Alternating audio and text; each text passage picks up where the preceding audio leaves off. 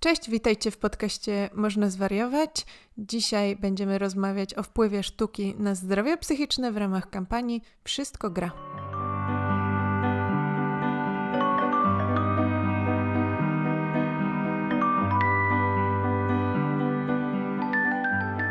Naszą gościnią ponownie jest Ola Piejka, czyli doktorantka z Instytutu Psychologii PAN oraz członkini Fundacji Można Zwariować. Cześć dziewczyny. Miło tu znowu być. A będziemy rozmawiać o wpływie sztuki na zdrowie psychiczne. E, często mówi się o wpływie tworzenia sztuki na zdrowie psychiczne. W szpitalach psychiatrycznych często, na, na pewno na oddziałach dla dzieci i młodzieży, e, są takie zajęcia e, terapii sztuką albo jakieś takie zajęcia ogólne, plastyczne, ale one są dosyć częste i powszechne. I dużo się mówi też o wpływie po prostu tworzenia samodzielnie rzeczy na nasze zdrowie psychiczne, ale my dzisiaj porozmawiamy o tym, jak wpływa odbieranie sztuki e, na nasz dobrostan psychiczny. E, o tym też jest kampania Wszystko gra, która ma zachęcać do korzystania z oferty kulturalnej jako remedium na pogarszającą się kondycję e, psychiczną społeczeństwa. Trochę o tym dzisiaj powiemy. Ola też powie o takich jednych dużych badaniach przeprowadzonych w tym temacie i mamy nadzieję, że Was to zainteresuje. A tymczasem, e, z czym dzisiaj zaczynacie, dziewczyny? Ja y, jestem chora, więc od razu przy, przepraszam za mój głos. No nie pierwsza chora osoba w tym podcaście, więc. Nie pierwsza chora osoba w podcaście. Pewnie nie ostatnia. Ale e, myślę, że jako fundacja musimy się pochwalić, Ola, Twoimi osiągnięciami ostatnimi. Znaczy, Ty się pochwal. Ojejku, no dobrze. To, y, to jest rzeczywiście pozytywny aspekt poza chorobą. W ostatnim czasie udało mi się dostać dwa stypendia naukowe. Y, w ramach jednego będę jechała do Kalifornii y, razem z profesorem Julianem Fajerem dalej opracowywać wyniki zebrane w ramach mojego projektu doktorskiego, a drugie stypendium pozwoli mi na wyjazd do y, Lipska, prawdopodobnie, albo do Berlina, ale chyba wyląduję jednak w Lipsku, gdzie przez y, trzy miesiące będę prowadzić mój autorski projekt dotyczący y, powiązań między regulacją emocji, samotnością, stresem i aktywnością fizjologiczną w codziennym życiu. Wow, super. Gratulacje. Piękne i jakże praktyczne badanie. Dziękuję bardzo. No i Ola po prostu coraz bliżej Hubermana i Petera T. Już po prostu tam jesteś tak idealnie pomiędzy chyba, bo jeden jest w San Diego, drugi jest w Stanfordzie, więc... To prawda. Lądujesz tak Powoli. Tak po środku. Powoli pniemy się do tej części Kalifornii. Tak. tak. Nie no, super, gratulujemy Ci bardzo i myślę, że nasi słuchacze też Ci gratulują. Dziękuję wszystkim. Jak tylko będę miała jakieś ciekawe wyniki zebrane i opracowane w ramach y, któregoś z tych projektów, to też będę Wam o nich chętnie opowiadać. Na pewno usłyszycie to tutaj pierwsi. A Wy jak się macie? Ja właśnie nadaję, e, pierwszy raz nagrywam nie w, nie w Warszawie, nie w swoim domu. Przyjechałam z mikrofonem do, mm, do domu rodzinnego i jestem w takim trybie, który pewnie dużo osób może kojarzyć, e, takiego regresu, że przyjeżdżasz do domu i nagle śpię 10 godzin, jem chleb z nutellą na śniadanie i ogólnie jestem w takim trybie no takiego trochę nastoletniego. Jeszcze jestem właśnie w moim starym pokoju, który jest teraz pokojem mojego brata, którego wygoniłam stąd, więc e, no takie śmieszne uczucie. Ale jestem też po urlopie, na którym bardzo odpoczęłam psychicznie, zmęczyłam się fizycznie dla odmiany, e, ale był bardzo udany i, i piękny. A ty, Klaus, z czym zaczynasz? Wow, super. Ja się cieszę, że dzisiaj świeci słońce. Ostatnio miałam jakieś takie... Yy health scares. Y, I więc jeździłam do, od lekarza do lekarza, ale na szczęście nie mam żadnego z nowotworu, z nowotworów, które u siebie podejrzewałam, więc myślę, że to jest na plus. Zawsze lepiej nie mieć. No zawsze lepiej nie mieć niż mieć. Jeszcze chcemy podziękować naszym bardzo hojnym patronom i patronkom, e, a w szczególności naszemu poszerzającemu się gronu mm, patronów takich właśnie najhojniejszych, e, którymi są Maria Rechlińska, Anita z Basic Lab, Maciej, Konrad, Maja, Tobiasz, Zosia, Karolina i jeszcze inne osoby, które też nas y, hojnie wspierają. Mm, no i wszyscy, wszystkie osoby, które nas słuchają, też w ogóle zaliczają się do tych podziękowań, więc y, dziękujemy Wam bardzo. Dzięki, fajnie, że jesteście. Pamiętajcie, że możecie dołączyć do tego grona i jeśli mm, uzbiera nam się taka większa kwota na Patronite, to będziemy też regularnie wysyłać do wolontariuszy e, nasze książeczki Prisma. E, testowo poszły one chyba do dwóch osób, więc to też podzielimy się efektami tego tego e, roznoszenia naszych książeczek niedługo. Mm, I co? Możemy przejść chyba już do naszego tematu. No dobrze, czyli co? Będziemy rozmawiać trochę o tym, czy i w jaki sposób sztuka, kontakt ze sztuką, przede wszystkim kontakt y, polegający na odbieraniu jej, może wpływać dobrze na nasze zdrowie psychiczne. Pierwsza taka rzecz, o której bym sobie pomyślała w tym kontekście, to jest y, znajdowanie reprezentacji siebie w kulturze, no nie? W sztuce, w kulturze, y, jakieś miejsce, w którym możesz się odbić. Czy to jest w ogóle dobry kierunek? Y, tak, myślę, że jak najbardziej. W ogóle tych ścieżek, w których, które mogą sprawiać, że sztuka ma na nas jakiś wpływ, jest bardzo dużo. Y, I oczywiście możemy sobie o nich myśleć, wyobrażać, i na samym początku też zawsze warto zapytać, czy są jakieś badania na ten temat. Może to nie jest dobry początek do wszystkiego, ale to jest y, z reguły początek, z którego ja zaczynam. I rzeczywiście takich badań jest bardzo dużo. I one zostały w taki bardzo kompleksowy sposób y, zebrane i omówione w takim obszernym raporcie dla Światowej Organizacji Zdrowia, który został przygotowany przez dwie badaczki, Daisy Fancourt i Saur Zifin. Y, I ten raport, który wyszedł w 2019 roku, obejmuje y, ponad 900 różnego rodzaju artykułów, publikacji, w których zebrane są y, dowody z tysięcy badań, są różnego rodzaju przeglądy, metaanalizy, pojedyncze badania. Mm, I oczywiście jakby jakość tej masy dowodowej jest bardzo różna, to znaczy są tam badania y, jakościowe, etnograficzne, małe takie badania pilotażowe, są próby kliniczne, zrandomizowane i zaślepione, są niezrandomizowane próby kliniczne, są analizy poszczególnych przypadków, różnych inicjatyw.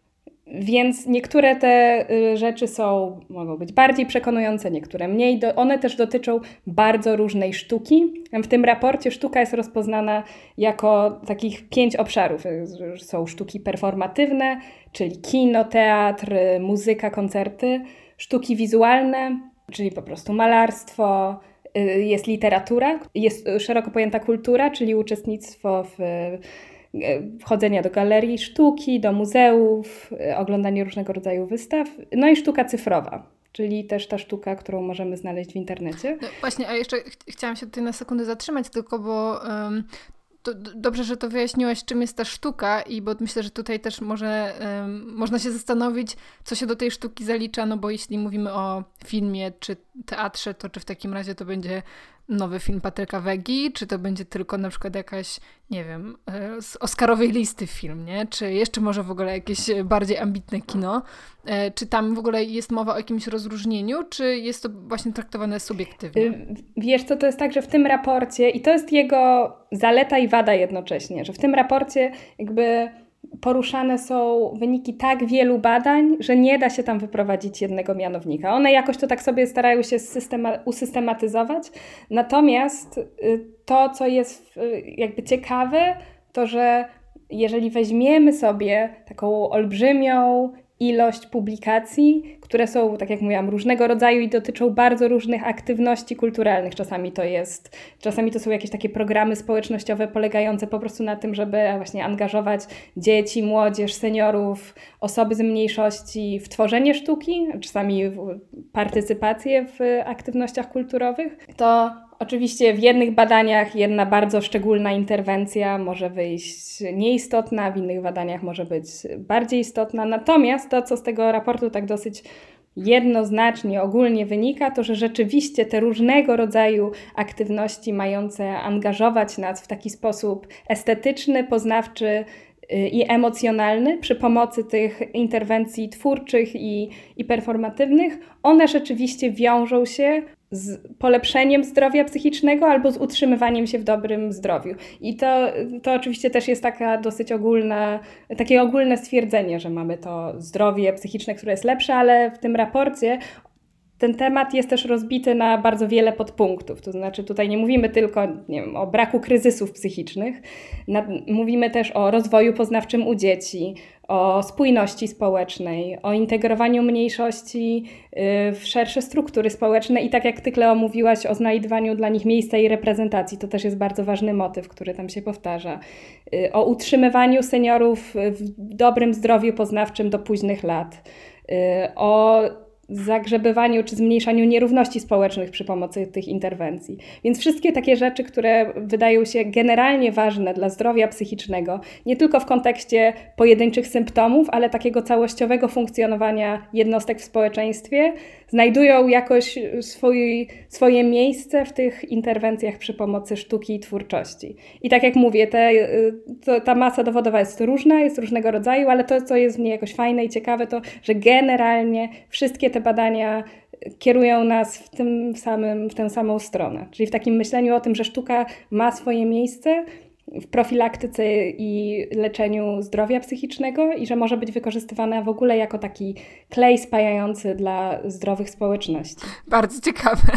No dobrze, ale to możemy zadać, możemy zadać w związku z tym właśnie yy, to pytanie, które też tutaj padło od Ciebie, Ania, czyli jakby czym jest ta sztuka, jak można ją rozumieć. No bo tak jak mówiłam w tym raporcie, to jest dosyć niedoprecyzowane. Tam wykorzystywane są badania, przy, to zresztą też jest tam podane jako ograniczenie dla tego raportu, że nie wszystkie rodzaje sztuki i partycypacji kulturowej są jednako przebadane. Niektóre są bardziej, niektóre mniej. Więc na przykład mamy bardzo dużo badań dotyczących wpływu muzyki na zdrowie psychiczne, na rozwój dzieci, y, na pomoc w rehabilitacji przed i pooperacyjnej w szpitalach.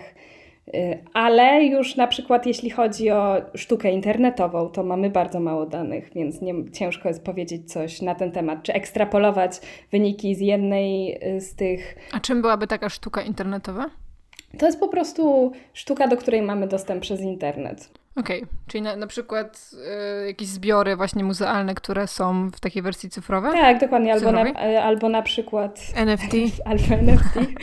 albo wystawy w tym, ten raport, oczywiście to jest rok 2019, kiedy on wyszedł, więc cała analiza była przeprowadzona wcześniej, więc oczywiście nie ma też tam yy, żadnych wątków związanych sztuką, ze sztuką generowaną przez sztuczną inteligencję, o czym też możemy sobie chwilę porozmawiać ale może nie będziemy chcieli, bo wszyscy i tak mają dosyć. Okej, okay, czyli powiedz, jakie procesy mogą zachodzić, kiedy właśnie odbieramy sztukę? No bo wydaje mi się, że to też jest właśnie bardzo subiektywne i czasami może być takie poczucie, że ja czegoś nie rozumiem, nie? że patrzę na ten obraz tam z powiedzmy jakiegoś XV wieku, no i on mi się tak może nie do końca podoba, a może, może tutaj jest właśnie coś, wiesz, zbyt naturalistyczne i jakieś takie właśnie nie w moim stylu, e, no ale idę sobie przez to muzeum, bo jestem w jakimś e, obcym mieście, czy mm, czy w jakimś po prostu miejscu, w które już zapłaciłam za ten bilet.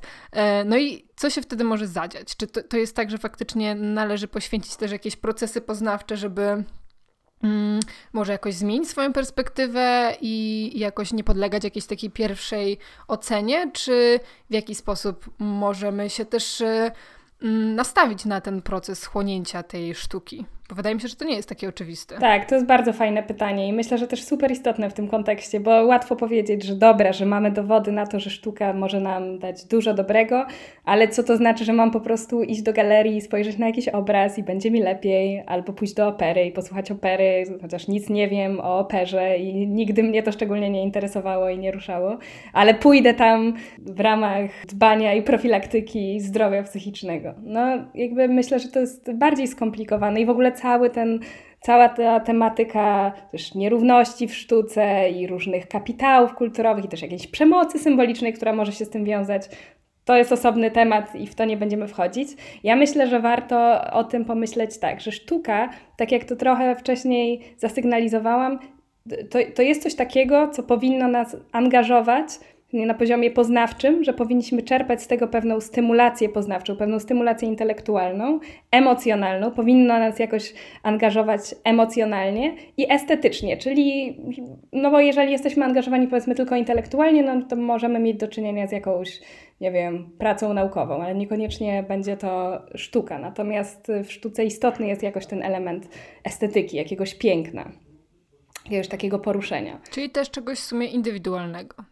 Nie każdemu musi podobać się to samo. Dokładnie. I myślę, że to jest ważne jakby wyczucie, gdzie są moje preferencje, ale gdzie są też jakieś takie granice, które chcę jednak trochę prze, przekroczyć. No bo jeżeli y, obracam się tylko w takim kręgu bodźców, które są dla mnie znane i przyjemne, to niekoniecznie jest taka sztuka, jaką tutaj chodzi. To znaczy, to jest sztuka, która jest bardziej rozrywką, to jest rozrywka czy przyjemność, którą sobie dajemy, ale jeżeli mówimy o takim potencjale sztuki do tego, żeby nas jakoś tak wzmacniać poznawczo, wspierać poznawczo na poziomie właśnie takim y, w kontekście zdrowia psychicznego, czy w ogóle rozwoju poznawczego właśnie, no to musimy jakby trochę otwierać się na pewną nowość, na, na jakieś nowe, nieznane bodźce, czy nowe, nieznane doznania, które mogą y, nas stymulować od takich miejsc, czy od takich stron, od których wcześniej nie byliśmy do końca świadomi. Wydaje mi się, że ten taki ta taka proporcja tego, co znane i co nieznane jest właśnie tym, co w sztuce może się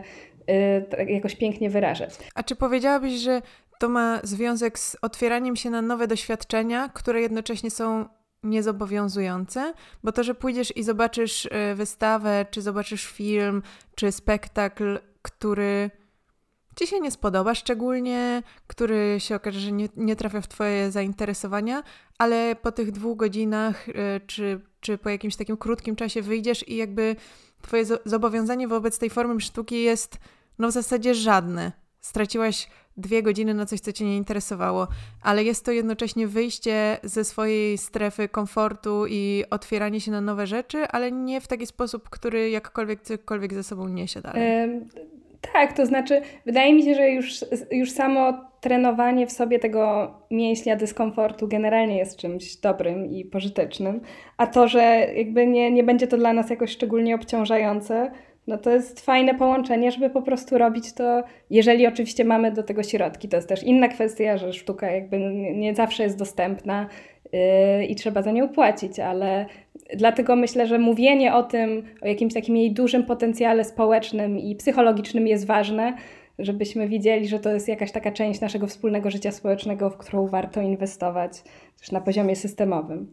A który e, aspekt tego konsumowania sztuki e, jest tym, który ma taki największy wpływ na to zdrowie psychiczne? Czy to jest na przykład to, że robi się to razem z kimś, że to jest wspólne doświadczenie, czy właśnie bardziej ten aspekt taki bardziej introspekcyjny, że przeżywasz y, te wszystkie swoje wewnętrzne doświadczenia, właśnie to, co związane z tą estetyką, o której mówiłaś, czy jeszcze coś innego? Y, mi się wydaje, że jedno i drugie i że to nie jest też do końca ekskluzywne, to znaczy ta introspekcja, jakiś taki wgląd, który do nas przychodzi, kiedy obcujemy ze sztuką, jest bardzo zapośredniczone przez to, że sztuka to jest, y, sztuka, którą odbieramy, to jest coś, co przyszło do nas od innych ludzi. To jest jakiś twór innego umysłu, innego głębokiego systemu poznawczego, z, z, którym wchodzimy w taki zapośredniczony kontakt przy pomocy tego dzieła sztuki. I myślę, że ten aspekt społeczny w sztuce w ogóle jest mega istotny. Jest czymś, o czym może się nie myśli aż tak często, kiedy, bo, bo sztuka bardzo często jest odbierana jakoś indywidualnie. Że nawet jeżeli siedzimy w kinie wśród innych ludzi, no to, to my odbieramy ten film, oglądamy ten film. Jeżeli stoimy przed obrazem w galerii, to często po prostu stoimy i go oglądamy w ciszy. E, ale już, już sam fakt, że jesteśmy otoczeni innymi ludźmi i przeżywamy to z nimi razem, jest bardzo istotny. I są badania, które pokazują, mm, że kiedy odbieramy te same bodźce narracyjne, czyli jakby słyszymy tę samą opowieść. To są generalnie badania, które dotyczą przede wszystkim y, takich treści werbalnych, czyli na przykład właśnie opowiadań, ale też filmów. To y, jakby synchronizujemy się fizjologicznie z innymi ludźmi, nawet jeżeli ich nie ma w tym samym pokoju, nawet jeżeli oglądamy te rzeczy, czy, czy słuchamy tych rzeczy w różnych momentach czasowych, to nasza aktywacja fizjologiczna przebiega w bardzo podobny sposób, w bardzo podobnym rytmie. Czyli na przykład zwalnia nam się tętno, Y, tak? Czy... Tak, dokładnie, czyli na przykład właśnie nasz, na, praca naszego serca, bo te badania głównie dotyczą y, pracy serca, chociaż nie tylko, są też badania dotyczące reakcji skórno-galwanicznej, czyli takich innych markerów naszego y, funkcjonowania naszego autonomicznego układu nerwowego, że, że widzimy, że jest coś takiego w tych narracjach, w tych bodźcach, które, co nas tak prowadzi trochę fizjologicznie i co pomaga nam się też jakoś dostrajać do innych ludzi, więc też przeżywanie takich rzeczy razem. A jakie to ma znaczenie? No, wydaje mi się, że to jest coś bardzo spajającego dla społeczności, dla wspólnoty, co pomaga nam poczuć bliskość z innymi, co pomaga nam. Ale to nie jest świadome, prawda? To nie jest nic na poziomie świadomym. To jest, myślę, że jednocześnie i świadome, i nieświadome. Jakby te fizjologiczne procesy często są pozaświadome. Myślę, że to może być świadome na takim poziomie, że na przykład odbieram jakąś sztukę, patrzę na jakiś obraz i wiem, że innym osobom też może coś to robić, nie? że jakoś mogą coś przeżywać właśnie nie wiem, ciekawego, fascynującego i daje to jakieś takie poczucie wspólnoty, że okej, okay, to mi się to też podoba, więc jestem częścią jakiejś mo moja tożsamość, na przykład konesera sztuki, czy jakiegoś, nie wiem, amatora sztuki jest teraz aktywowana, więc to jest mm, na tym może poziomie tak półświadome. Nie wiem, na ile ktoś o tym świadomie myśli, ale, yy, ale może być to... No, fajne uczucie, że, że widzisz też osoby inne na przykład w tym muzeum, nie? Albo wiesz, że wiem, ludzie poszli tłumnie na ten film, nawet jeśli ty poszłaś sama do kina, to, to wiesz, że, że on jest jakoś tam uznany. Tak, albo po prostu, że porusza coś w tobie, co, na, czego na przykład ty wcześniej w sobie jakoś nie rozpoznawałaś, a ten film dotyka cię w jakichś bardzo intymnych miejscach i widzisz też, że porusza innych ludzi, że jest jakieś wspólne doświadczenie, które dzielisz z innymi i dzięki temu jesteś też mniej samotny. Dzięki temu czujesz, że możesz jakoś iść przez ten świat y, razem z innymi ludźmi, którzy czują to, co ty, są w stanie ci jakoś zrozumieć.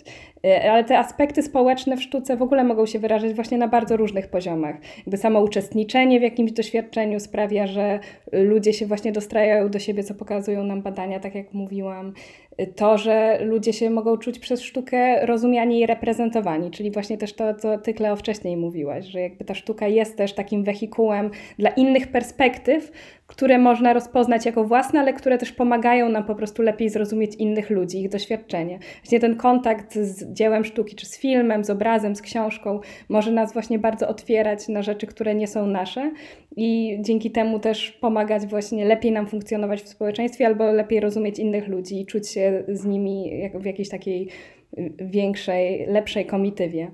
Jeśli mogę odnośnie tego właśnie wspólnego przeżywania, to można to też rozumieć na taki sposób, że na przykład idąc z kimś w jakimś towarzystwie, na przykład do kina czy do galerii, można po prostu o tym rozmawiać, ale też nawet jeśli z jakiegoś powodu sami to mm, sami uczestniczymy w tym jakimś przedsięwzięciu, to też jest mnóstwo treści w internecie, nawet na YouTubie, tak żeby ktoś na przykład potem opowiada o tym. I gdzieś zderzamy nasze interpretacje e, z czyimiś, może z kimś, kto jest w jakimś sposób ekspertem w tej dziedzinie, czy jest po prostu y, interesuje się czymś i ma jakieś trafne uwagi. I to jest coś, co mi na przykład bardzo często pomaga, żeby po prostu albo posłuchać czegoś, albo z kimś porozmawiać.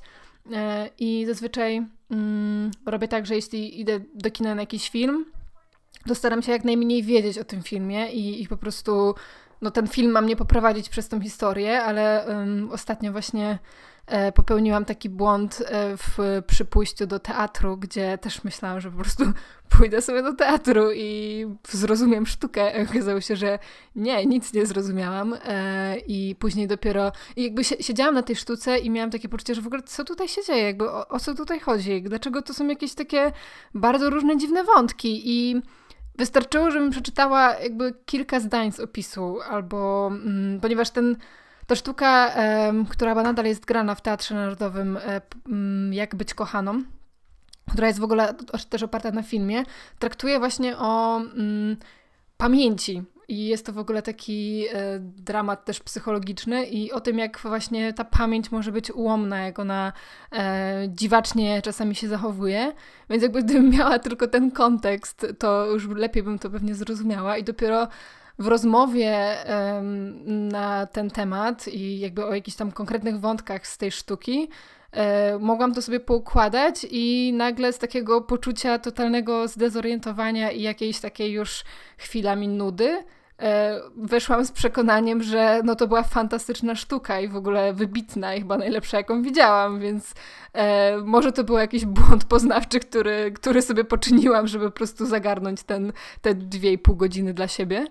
E, ale myślę, że, że to jest bardzo istotne, szczególnie właśnie w takich e, może właśnie performatywnych sztukach, czy, mm, czy takich, które gdzieś no, pozostają wiele więcej do interpretacji. Tak, no myślę, że w ogóle taka praca kuratorska też w przypadku na przykład galerii sztuki jest szalenie istotna i często jakoś, no dobra, nie, nie, chcę się wypowiadać, bo też nie jestem ekspertką, ale to jest taka część, na którą bardzo zwracam uwagę. Tak, ale, ale nawet takie oprowadzanie po wystawie, nie? To jest często jakby bardzo wartościowe doświadczenie, coś, czego zupełnie nie, no nie wyniosłabyś z samych na przykład opisów pod y, obrazami, tak? Czy, czy jakiś taki kontekst. Tak, dokładnie. No bo ten kontekst w przypadku sztuki dokładnie jest kluczowy. Jakby kontekst jest tym, co nam tę sztukę tworzy.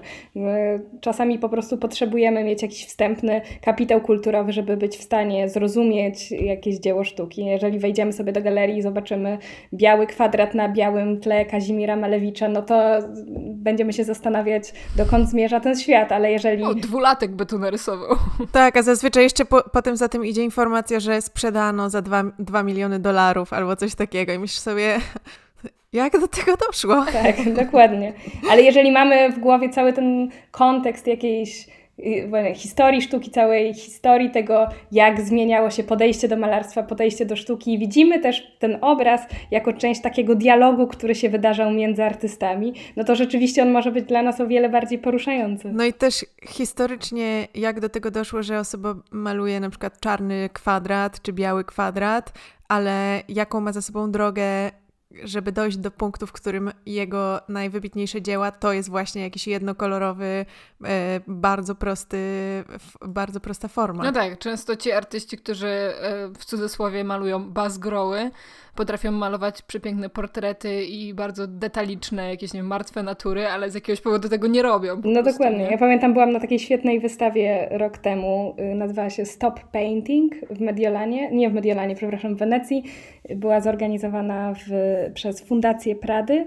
I to była taka wystawa, która... Y, jakby miała pokazać kolejne okresy, w których artyści chcieli odchodzić od malowania i mówić, że już koniec tego malowania, nigdy więcej malowania, już się wszyscy namalowali i przez kolejne dekady po prostu malując obrazy starali się pokazać, jak bardzo już nie będą ich więcej malować. I to było po prostu strasznie śmieszne. Już bardzo lubię tak, takie wystawy, które są jakoś autoironiczne, bo one też właśnie pokazują ten taki ludzki aspekt w tej sztuce. Jakiś taki aspekt, że ci artyści też się zmagają z różnymi rzeczami, coś sobie opowiadają tymi swoimi pracami, kłócą się ze sobą. I to też pozwala nam właśnie doświadczyć tej sztuki jako czegoś takiego bardzo ludzkiego i się odnaleźć w tym takim właśnie wspólnym świecie ludzkich doświadczeń, też przy jej pomocy. Tak, no to tutaj też e, pewnie ten kontekst był jednak potrzebny, żeby mm, żeby to jakoś e, wyciągnąć z tego więcej i też może właśnie już jesteśmy przy jakichś takich wskazówkach, to ja też zachęcam po prostu do czytania um, tych treści, które są na wystawie, nie tylko patrzenia na obrazy, ale, e, ale po prostu czytania tego, bo tam często jest mnóstwo treści i mnóstwo kontekstu, tylko zazwyczaj ludziom się jakoś tak nie chce tego przez to przebrnąć, więc e, jeśli się wybierzecie kiedyś do niedługo do muzeum czy galerii, to czytać też tam warto.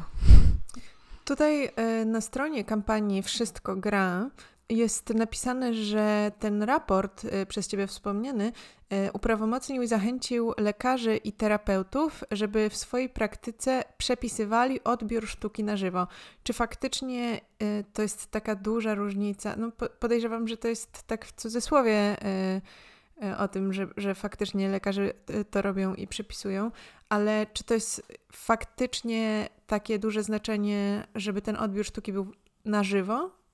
Raczej niż właśnie na przykład online, czy... Mm, tak, zdecydowanie. To, znaczy, to nie znaczy, że sztuka odbierana samodzielnie nie ma wartości, tylko w kontekście, bezpośrednio w kontekście profilaktyki zdrowia psychicznego. To to, o czym wspomina ten raport dla Światowej Organizacji Zdrowia, to jest tak zwane social prescribing, czyli taka społeczna recepta. I ona nie dotyczy tylko sztuki. Sztuka jest jedną z, jednym z aspektów tego, co można zalecać, i rzeczywiście to są Teraz prowadzone jest dużo takich badań, w Wielkiej Brytanii chociażby, y, gdzie ewaluowane są te programy tego społeczne, tych społecznych recept na zdrowie psychiczne, ale też fizyczne. I chodzi o to, żeby ludziom, lekarze, obok standardowych farmakoterapii różnego rodzaju czy różnego rodzaju rehabilitacji, zalecali aktywności społeczne. Przede wszystkim. Czyli coś, co nazywamy też aktywizacją behawioralną. Dokładnie. Chodzi o to, żeby ludzie wychodzili do innych ludzi. To dotyczy też przede wszystkim pacjentów, przede wszystkim pacjentów, którzy z różnego powodu są wykluczeni, marginalizowani, ponieważ należą do mniejszości albo mają takiego rodzaju choroby, które odcinają ich od innych ludzi. I właśnie w tych przypadkach taka społeczna aktywizacja y, może przynieść i przynosi, co widzimy w badaniach coraz częściej, ogromne pozytywne rezultaty.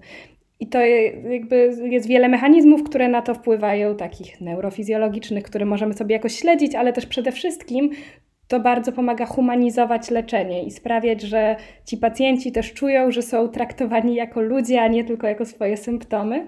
To raz, a dwa, że po prostu rzeczywiście czują się członkami społeczności, co dla naszego zdrowia psychicznego jest absolutnie niezbędne.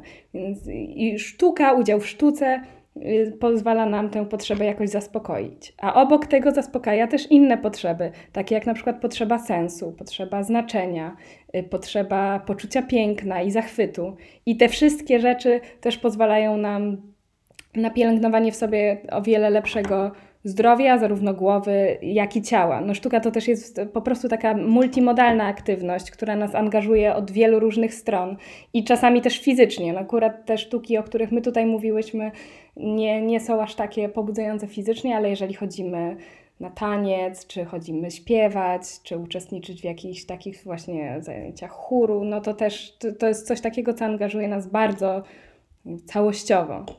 Społecznie, fizycznie, psychicznie i emocjonalnie. I dlatego ma taki duży wpływ. Jak sobie myślę o tym, że to jest przypisywane właśnie przez terapeutów czy przez lekarzy, no to to są takie osoby, do których trafiasz nieprewencyjnie raz w roku, żeby sprawdzić, czy wszystko ok z Twoją głową. Nie ma takiego, nie ma przynajmniej póki co jeszcze takiego, mm, takiej formy prewencyjnej. Chociaż w sumie to by mogło być ciekawe, że raz w roku po prostu tak jak przychodzisz do dermatologa ze znamionami albo robisz USG piersi, tak samo y, trafisz do... czy to by było w ogóle możliwe? Trafiasz do psychiatry, żeby ewaluować, czy wszystko z tobą jest ok psychicznie. Jak ok, no to jakby w sumie, no ciekawe, nawet nigdy o tym nie pomyślałam w ten sposób. Ale... A myślę, że to mogłoby być całkiem fajne, gdyby psychoterapeut, znaczy gdybyśmy nie musieli za to płacić, to to by było, myślę, że dla wszystkich lekarzy też doskonałe. Oni by byli zachwyceni. No, to nie jest zły pomysł. Ja to, ja to sobie zapiszę. Ale chciałam powiedzieć, że yy, właśnie yy, jak już trafiasz do, do takiego specjalisty, no to raczej raczej w związku z jakimś pogarszającym się swoim stanem zdrowia, zazwyczaj do akurat takiego specjalisty zdrowia psychicznego to się trafia w większości raczej już w ostateczności, e, też ze względu na e, wszystko, co okala ten temat. Natomiast myślę sobie, że takie właśnie działania e, związane właśnie ze sztuką, chodzenie na wystawy i tak dalej, to mi się kojarzy z takim bardziej prewencyjnym działaniem na rzecz swojego zdrowia psychicznego, raczej niż jakąś taką aktywną formą leczenia, no nie? Czy to wtedy jakby jedno z drugim ma sens? To ja mogę tutaj zrobić wrzutkę y, praktyczną, ponieważ y, pamiętam, jak byłam na takim trzymiesięcznym stażu psychiatrycznym w, na oddziale dziennym, to właśnie jedną z form y, terapii, po pierwsze była arteterapia, czyli właśnie takie zajęcia, której po prostu wykony- pacjenci wykonywali jakieś um, przeróżne techniki plastyczne. No taka trochę plastyka, jak była w szkole, tylko fajniejsza, bo były to czasami ciekawsze e, po prostu też techniki, nie, nie tylko jakieś tam malowanie farbami, tylko mm, często właśnie tworzenie jakichś rzeźb albo... Dekupaż. Tak, albo jakieś takie właśnie techniki trochę recyklingowe, więc to było bardzo fajne.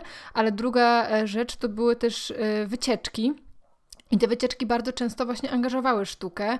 E, I co ciekawe, ponieważ e, no, finansowanie takiego oddziału dziennego jest dość mało mm, spektakularne, to pacjenci e, pisali taki list do dyrektora Zamku Królewskiego. Z tego, tego co pamiętam, właśnie podczas mojego pobytu byliśmy w Zamku Królewskim na e, takiej wystawie czasowej e, Rolka Sztokholmska, która przedstawiała mm, taki jakby ciąg wydarzeń, jak są jakieś zaślubiny króla, czy, czy, czy coś takiego, już nie pamiętam, ale ta wystawa w ogóle była bardzo ładnie przygotowana, też z takimi, um, takimi po prostu dekoracjami, więc e, to wyjście było bardzo udane i pacjenci właśnie pisali ten list, żeby móc um, przyjść do zamku na tę wystawę z oprowadzaniem kuratorskim e, za darmo i za każdym razem mm, te odpowiedzi różnych dyrektorów muzeów czy galerii były pozytywne e, i, i pamiętam, bardzo miło spędziliśmy tam ten czas i pacjenci byli bardzo zainteresowani,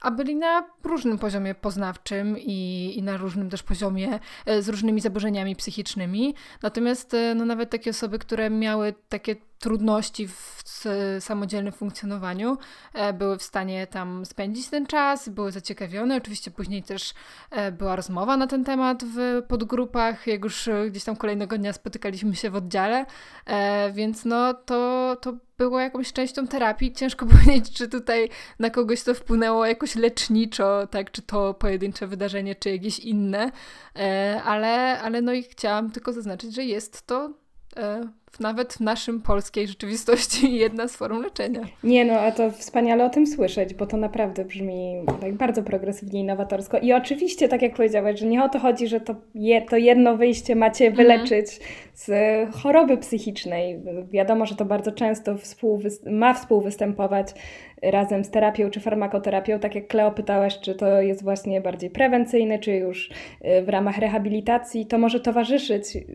terapii dla, konkretnego, dla konkretnej choroby czy zaburzenia, ale może też oczywiście mieć funkcję profilaktyczną. I jest też taka szara strefa, gdzie jakby widać na przykład subkliniczne objawy dla depresji, y, a dla dana osoba, nie wiem, też na przykład po prostu nie ma, nie ma możliwości czy pieniędzy na leczenie, ale wydaje mi się, że w przyszłości będzie taki moment, że zamiast od razu w pewnych, w przypadku pewnych chorób wrzucać osobę bezpośrednio na farmakoterapię, to będzie właśnie więcej tego społeczne, tych społecznych recept, więcej angażowania ludzi y, w działania społeczności, w działania artystyczne, kreatywne, twórcze, pomocy w codziennym życiu. I że w wielu przypadkach myślę, że to jest, y, zwłaszcza w tym takim prodromalnym, czyli tym takim wstępnym etapie y, zaburzeń, równie ważne albo ważniejsze niż, niż bardzo konkretnie sprofilowana farmakoterapia.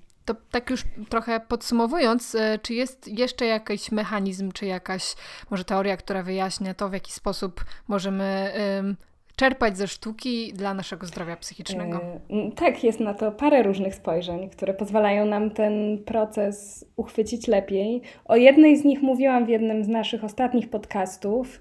E, jest taka teoria stworzona przez Erika Hoela, która mówi nam o tym, że rzeczywistość nie jest wystarczająca dla naszego umysłu. To znaczy, jest taka hipoteza, y, która się nazywa over, overfitted brain hypothesis, czyli taka hipoteza nadmiernie dopasowanego mózgu, która mówi, że nasz, nasz umysł jest takim modelem predykcyjnym, który cały czas stara się Y, oceniać, czym jest rzeczywistość i jak ona wygląda. No i problem jest taki, że jeżeli ta rzeczywistość jest zbyt stała, to ten umysł się może jakby nadmiernie do tego przystosować, w związku z tym nie jest w stanie generować adekwatnych rozwiązań, tak jak taka sieć neuronowa. Czyli y, to też nawiązuje do tego, o czym my rozmawiałyśmy jakiś czas temu, o umyśle początkującego z y, teorii Zen. O, no właśnie, tak, to prawda. To jest w ogóle ciekawe skojarzenie. No i że jest tak, że to, co może nam pomóc, czy naszemu umysłowi pomóc lepiej rozumieć rzeczywistość, y, to sny. To jakby y, i po to mamy sny. Ta teoria dotyczy bezpośrednio tego, że sny pozwalają nam generować alternatywne rzeczywistości, ale nie tylko sny mogą do tego służyć, do tego też y, służy sztuka, bo sztuka to są właśnie takie sny, które śnią za nas inni ludzie. Jakby poka przez pokazywanie różnych perspektyw, y, różnych znaczeń, zmienianie punktów naszej uwagi, możemy jakby spojrzeć na świat dookoła siebie od innej strony i pomyśleć go trochę inaczej i to jest to, co sprawia, że pozostajemy jakby w pełni sprawności poznawczej, że nasz umysł może tę rzeczywistość widzieć y, prawdziwie i pełniej. Y, I tak sobie pomyślałam jeszcze o takim drugim kontekście, tym dlaczego sztuka nam, y, nam tak dużo może dać. To nie jest y, bezpośrednio naukowe odniesienie, to jest książka, którą napisała taka artystka Jenny Odell, która też jest pracowniczką, y, ona pracuje na Stanfordzie, tak mi się wydaje, albo pracowała, ale mogę się mylić. Napisała książkę How to do Nothing. Ona została przetłumaczona na polski niedawno jako Jak robić nic. I ona pisze dużo o sztuce. Nie tylko o sztuce, ale ta sztuka się tam wybija. I ja pamiętam, że ta jej perspektywa bardzo dużo mi dała w takim myśleniu też o moim odbiorze sztuki, nawet właśnie takiej sztuki bardzo dziwnej, abstrakcyjnej, której ja jakby wydaje mi się, że też mogę nie rozumieć albo która do mnie nie trafia. Bo ona właśnie mówi, że jakby zadaniem artysty przede wszystkim jest przekierowywanie, czy w ogóle kierowanie naszej uwagi w takie miejsca, gdzie ona by normalnie nie poszła. Y, I takie cały czas podważanie takich naszych klasycznych, codziennych struktur myślenia i patrzenia. I zwracanie nam uwagi na rzeczy, o których zapominamy, y, i odwracanie tego, co jest ważne i co jest nieważne.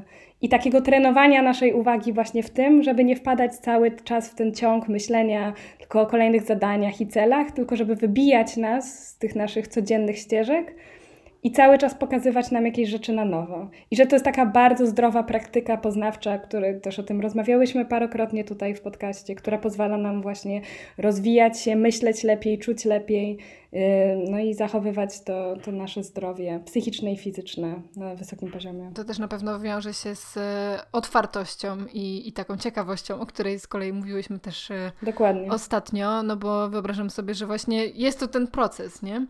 E, ale to, co jeszcze mi się skojarzyło e, tak na szybko, to mm, ponieważ też często moi pacjenci wnoszą jakieś e, mm, dzieła kultury, czy, czy coś, co na przykład no, bieżąco teraz się dzieje w kinie czy, czy w sztuce, co też sprawia, że ja muszę być na bieżąco z różnymi nowinkami, bo jak no lepiej mieć ten punkt, punkt odniesienia niż go nie mieć. To to jest też taka funkcja sztuki. Mm, która albo normalizuje jakieś e, zachowania, czy jakieś właśnie uczucia, czy, e, czy sytuacje po prostu, które się dzieją, e, ale też no, pokazuje, że inni też tak mogą mieć, nie? że to jest często właśnie to, to szukanie swojej reprezentacji, czy, czy właśnie swoje, takie utożsamianie się z bohaterem, e, co może być też e, no właśnie jakąś funkcją, jakąś formą później opowiedzenia swojej historii, czy właśnie to w gabinecie terapeutycznym, czy bliskiemu, tak, że właśnie często słyszałam takie no ja się czuję dokładnie tak jak ta bohaterka filmu, nie? Albo no wprost ktoś mnie się pyta, czy oglądałaś to, bo to jest dokładnie o mnie, więc ja potem muszę iść do kina i nadrobić jakiś film, żeby zrozumieć lepiej moich pacjentów, co myślę, że też jest ciekawą formą jakiegoś dialogu.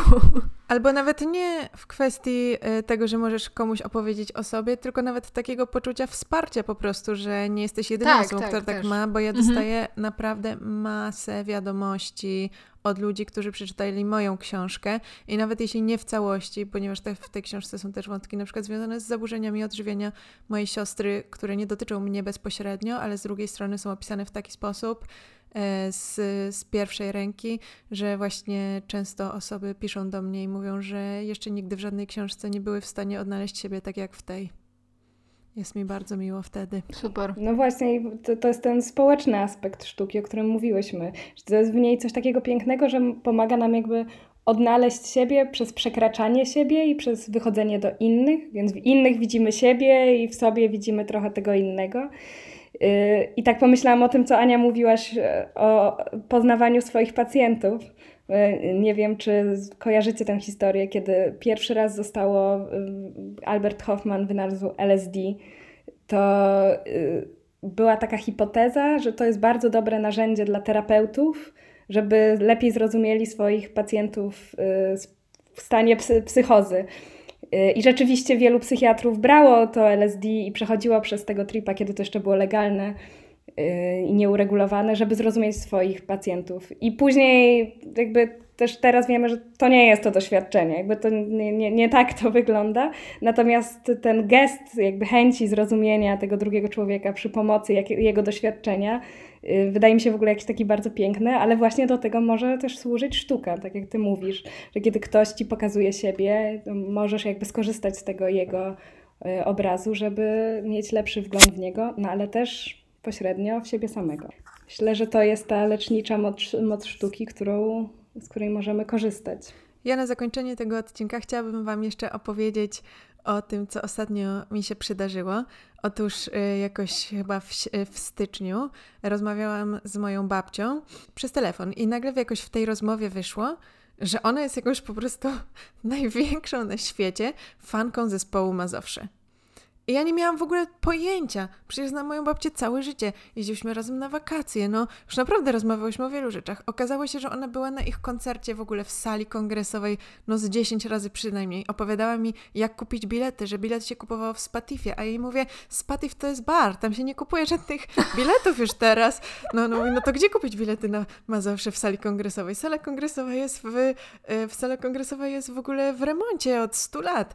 No i e, tak rozmawiałyśmy i po prostu a ona mi mówi, no to wpisz na YouTubie coś tam. A w ogóle moja babcia słucha naszego każdego odcinka podcastu na YouTubie właśnie. Pozdrawiamy babcię. Tak, pozdrawiamy moją babcię. I e, finalnie na jej urodziny, które są pod koniec lutego, uznałam, że koniecznie musimy kupić jej w prezencie bilety na koncert zespołu Mazowsze. Okazało się, że ten zespół, to jest zespół, taki zespół pieśni i tańca polski. I okazało się, że oni w ogóle gdzieś pod Warszawą mają swoją wielką taką halę koncertową, w której się odbywają te koncerty. No i jak kupowałam te bilety, no to sobie pomyślałam, no dobra, no to kupimy jej w prezencie te bilety no i ja z nią pójdę. Czy mnie interesuje tego rodzaju twórczość?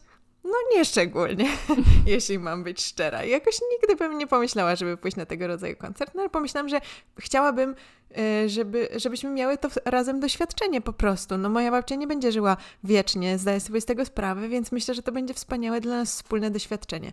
No więc jak tak poopowiadałam, no to mówię też mojej mamie, no to chodź z nami. No to moja mama do mojej siostry, no to chodź z nami. No to kupiłyśmy cztery bilety. I tego dnia przyszedł już ten dzień, no tam już moja babcia mówiła, no to wtedy będziemy jechać, wtedy w tę niedzielę i tak dalej. No i przyszedł już ten dzień, prawda? Yy, kiedy miałyśmy jechać, to było chyba w zeszły weekend. I moja mama się strasznie strasznie rozchorowała.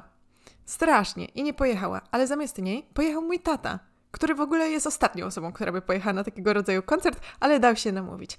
No i pojechaliśmy we czwórkę, e, właśnie tam pod Warszawę do tej hali. Zajęliśmy miejsca, bardzo duża taka hala widowiskowa, bardzo różny tłum, e, w sensie publiczność, bardzo różny. No i zaczęły się te występy.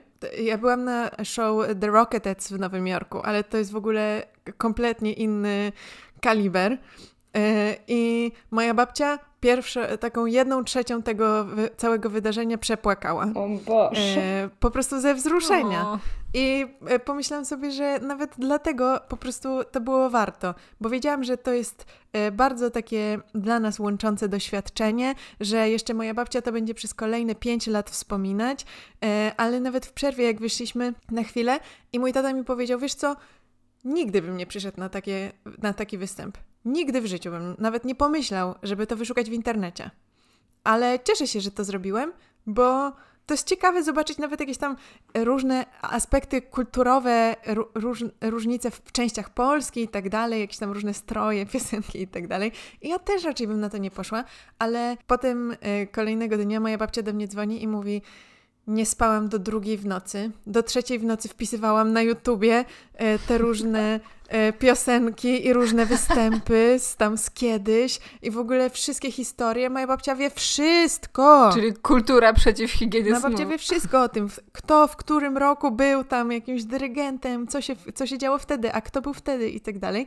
I myślę sobie, że jakby nawet jeśli sam, sam ten show to nie była moja rzecz, to myślę, że ogromny, istotny aspekt to jest właśnie mm, to robienie rzeczy wspólnie razem. Nawet jeśli to jest coś, co tylko tak szczerze interesuje tylko jedną osobę, to możemy wejść w świat tej osoby i zobaczyć, dlaczego to jest dla niej atrakcyjne i ona nam może opowiedzieć, albo nagle się okaże, że właśnie, no, moja babcia była 10 razy na tych koncertach, w ogóle w różnych miejscach i wszystko o tym wie i wszystko mi może opowiedzieć.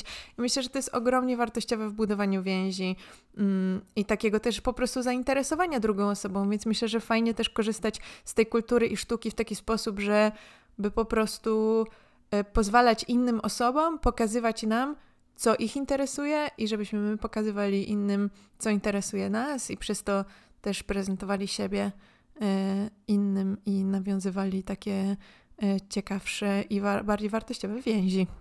To jeszcze mi się skojarzyło tak na szybko, jak o tym powiedziałaś. E, coś, co już polecałam tutaj w podcaście, czyli e, taki kanał na YouTubie Turning the Tables, który właśnie w drugą stronę pokazuje, jak um, ojciec z synem słuchają współczesnej muzyki e, i jak właśnie um, spojrzy się w komentarze pod jakimś filmem na tym, na, tym kanale, to większość ludzi tam pisze, że moi rodzice by nigdy nie posłuchali ze mną całego albumu, na przykład wykonawcy, którego słucham, lubię, bo uważają to za coś takiego, nie wiem, e, dziwnego, albo właśnie, że, że tam jest dużo też rapu, więc w ogóle jakoś nie, nie uznają tego za wartościową muzykę, e, a mm, ten ojciec jest muzykiem e, takim amatorskim, więc jakby też zwraca uwagę na bardzo takie techniczne kwestie i, i właśnie na jakąś kompozycję, więc e, no i bardzo się jakby tak emocjonuje i, i przeżywa razem z tym, z tym synem, więc no to też pokazuje gdzieś jak można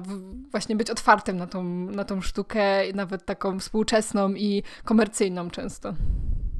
Także opcji jest bardzo dużo. Zachęcamy Was do mm, poszukania jakiejś formy czerpania z kultury dla siebie. E, I też do śledzenia kampanii Wszystko Gra. Tak, kulturalne propozycje to zakładka na stronie www.wszystkogra.com, e, na której możecie zobaczyć te kulturalne propozycje, które proponuje właśnie kampania Wszystko Gra w różnych miastach Polski.